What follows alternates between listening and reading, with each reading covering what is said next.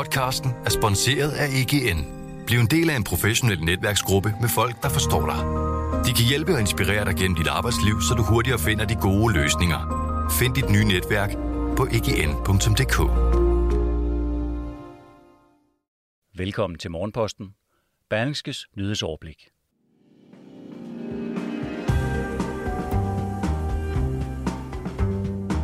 Også på denne fredag den 8. oktober kan Morgenposten byde velkommen. Og til en start med nogle af dagens overskrifter. Mit navn er Mette Melgaard. Ventetiden på planlagte operationer bliver længere og længere. Forskere fra Københavns Universitet trækker et stort medieomtalt studie tilbage. Indtil nu har regeringen ikke sat ord på, hvem der får gavn af forslaget om at forhøje fradraget på fagforeningskontingenter fra 6.000 til 7.000 kroner om året. Men det giver en gennemgang af priserne i en lang række danske fagforeninger, som Berlingske har foretaget nu indsigt i. Og vi lægger ud med Jyllandsposten, der skriver om nogle af de konsekvenser, som coronapandemien har haft, og i denne artikel gælder det de planlagte operationer. For ventetiden på planlagte operationer af for eksempel knæ eller hofte bliver kun længere og længere. Og det er ikke kun på grund af pandemien, men også på grund af sygeplejestrækken. Således forudser Sundhedsstyrelsen, at aflysning og udsættelser af planlagte operationer kan stå på i mere end to et halvt år. På politikens forside kan man i dag læse om de danske børn fra Syrien, der er blevet adskilt fra deres mødre. De tre hjemtagende mødre og deres i alt 14 børn landede som bekendt i Danmark natten til torsdag. Og i løbet af torsdagen var de alle tre i grundlovsforhør, hvor efter de blev varetægtsfængslet. Møderne fra de syriske fangelejre blev ikke sigtet for direkte at have deltaget i terrorhandlinger, men for forhold, som har forbindelse til terrorisme og stik imod anbefalinger fra nogle af de største børneorganisationer og myndighedernes egen taskforce blev børnene fjernet fra deres mødre. Torsdag var også den første dag i afhøringerne i grænsningen af Mink-sagen, og den første dag bød på flere opsigtsvækkende udsagn. Det skriver Berlingske, der bringer en reportage i dagens avis. Kontorchef i det daværende Miljø- og Fødevareministerie, Paolo Drotsby, var en af dem, der tog plads i vidneskranken, og her kunne han fortælle, hvordan flere bemærkelsesværdige ting blev ændret i 11. time. Blandt andet tog Justitsministeriet over og indstillingen fra fødevaremyndighederne var ikke, at alle mink skulle aflives, da de tidligt i forløbet var klar over, at der ikke var lovhjemmel, hvis alle, også raske mink, på et senere tidspunkt skulle aflives. Næste punkt her i Morgenposten er dagens lydartikel fra Berlingske, som handler om fradrag og fagforeningskontingenter. Regeringen vil nemlig forhøje fradraget for fagforeningskontingenter. Hidtil har den dog ikke svaret på, hvem det egentlig vil gavne. Men nu giver en gennemgang af priserne i landets fagforeninger svaret. Regeringen har hidtil ikke sat ord på, hvem der vil få gavn af forslaget om at forhøje fradraget på fagforeningskontingenter fra 6.000 kroner til 7.000 kroner årligt. Men det giver en gennemgang af priserne i en lang række danske fagforeninger, som Berlingske har foretaget nu indsigt i. På listen er flere fagforeninger med klassiske socialdemokratiske kernevælgere – mens det ikke vil ændre noget for de helt store forbund eller de såkaldt gule fagforeninger.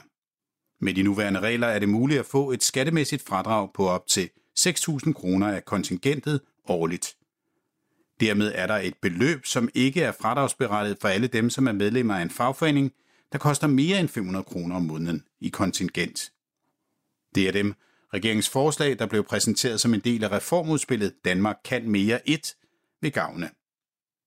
Der er tale om BUPL, Blik- og Rørarbejderforbundet, Danmarks Lærerforening, Dansk Elforbund, afhængig af geografisk placering, Dansk Socialrådgiverforening, dele af Dansk Metal, Socialpædagogernes Landsforbund, HK Stat og Dansk Sygeplejeråd, fordi sygeplejerskernes kontingent i kølvandet på sommerens strække netop nu er sat op med 125 kroner for at fylde den tomme strækkekasse op igen. Gennemgangen viser dermed også, hvem forholdelsen ikke kommer til at gøre en forskel for. Det gælder 3F, FOA, det øvrige HK, Dansk Journalistforbund, Djøf, Finansforbundet, lederne og de alternative gule ikke overenskomstbærende fagforeninger ASE, Det Faglige Hus, Frie og Krifa, som alle har et kontingent under 500 kroner om måneden. Berlingske har præsenteret gennemgangen for politisk kommentator Nora Reddington, der er tidligere særlig rådgiver for den forhåndværende socialdemokratiske statsminister Helle thorning -Schmidt. Han mener, at gennemgangen viser, at forslaget er designet mere til kommunikation og allianceopbygning end til egentlige forhandlinger. Det vidner om, at det er et forslag, som er med i udspillet for at være sikker på at få fagbevægelsens opbakning. Hvis man ser på Folketinget og hvordan det skal ende, så er det nok ikke særlig sandsynligt, at det bliver til noget, siger han og tilføjer. Min læsning er, at man satser med mest hjerteblod og energi i det, der handler om dagpengesatsen de første tre måneder. Det her om fradrag for fagforeningskontingenter er ren kommunikation og lidt af en gratis omgang. Han fremhæver samtidig, at det ikke er et forslag, som fagbevægelsen selv har slået på tromme for. Berlingske har blandt andet spurgt Christian Rabia Madsen, konstitueret politisk ordfører for Socialdemokratiet, om partiet på forhånd har undersøgt, hvem forslaget vil gavne. Men han ønsker ikke at gå ind i, hvordan de har lavet lovarbejdet, men siger, at det bunder i et ønske om at styrke det organiserede arbejdsmarked og den danske model. Dagens lydartikel er skrevet af Sebastian Persson og Nikolaj Sjørup, og du kan til enhver tid læse eller lytte til artiklen i sin fulde længde på Berlingskes hjemmeside. Forskere fra Københavns Universitet trækker et stort medieomtalt studie, der blev omtalt i Politikken, tilbage. Det skriver det juridiske fakultet på Københavns Universitet i en pressemeddelelse. Studiet viste, at borgere med minoritetsbaggrund oftere blev sigtet af politiet, uden at det førte til dom, sammenlignet med etniske danskere. Og forskerne bag mente, at det tyder på, at dansk politi forskelsbehandlede minoriteter. En påstand politiet i øvrigt afviste, og nu viser det sig, at der heller ikke er forskningsmæssigt hold i påstanden. Forskerne på Københavns Universitet er blevet gjort opmærksomme på en fejl i forhold til den anvendte data, der går tilbage til projektets start. Politikken bragte i forbindelse med forskningen flere artikler, der blandt andet bad politiet forholde sig til resultaterne, og justitsministeren blev trukket i samråd på baggrund af netop de resultater. Chefredaktør Anne Mette Svane er ked af, at avisen har bragt flere artikler på baggrund af den nu tilbagetrukne forskning, men hun har svært ved at se, hvad de kunne have gjort anderledes. Men hun understreger, at avisen selvfølgelig behandler det med stor alvor. Det fremadstormende online supermarked nemlig.com er efter flere års hæftig vækst i 2021 kommet under massiv beskydning i en tofrontskrig, det skriver Berlinske Business. Kritik af løn- og arbejdsforhold er havlet ned over nemlig.com fra Danmarks mest hårdslående fagforening 3F. Samtidig har online-supermarkedet store pengestærke konkurrenter, Coop og Selling Group, forstærket presset ved at skrue markant op for deres satsninger inden for onlinehandel. Men her og nu ja, så kan direktør i nemlig.com, Stefan Plenge, kun være meget tilfreds. Kunderne handler nemlig fortsat flittigt hos online supermarkedet, som fordoblede omsætningen i 2020 til over 2 milliarder kroner og blev profitabel under coronakrisens mørke dage. Nemlig.com er strøget i vejret på Berlingskes guld 1000 liste over Danmarks 1000 største virksomheder, fra en plads som nummer 365 til en plads som nummer 245, og øh, de overgår målt på omsætning blandt andet B&O og Scandlines.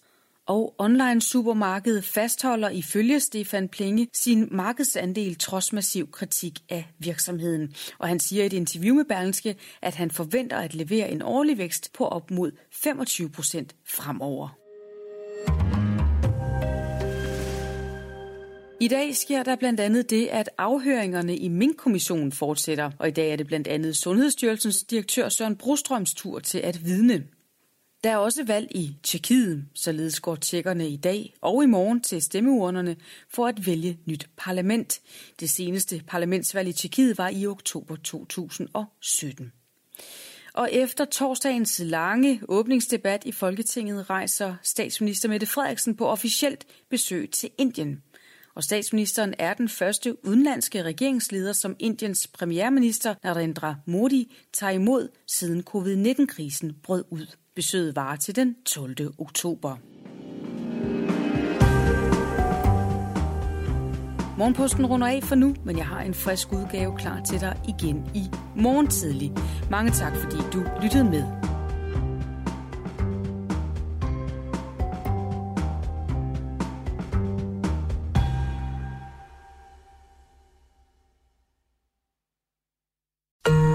podcasten er sponsoreret af EGN. Bliv en del af en professionel netværksgruppe med folk, der forstår dig. De kan hjælpe og inspirere dig gennem dit arbejdsliv, så du hurtigere finder de gode løsninger. Find dit nye netværk på egn.dk.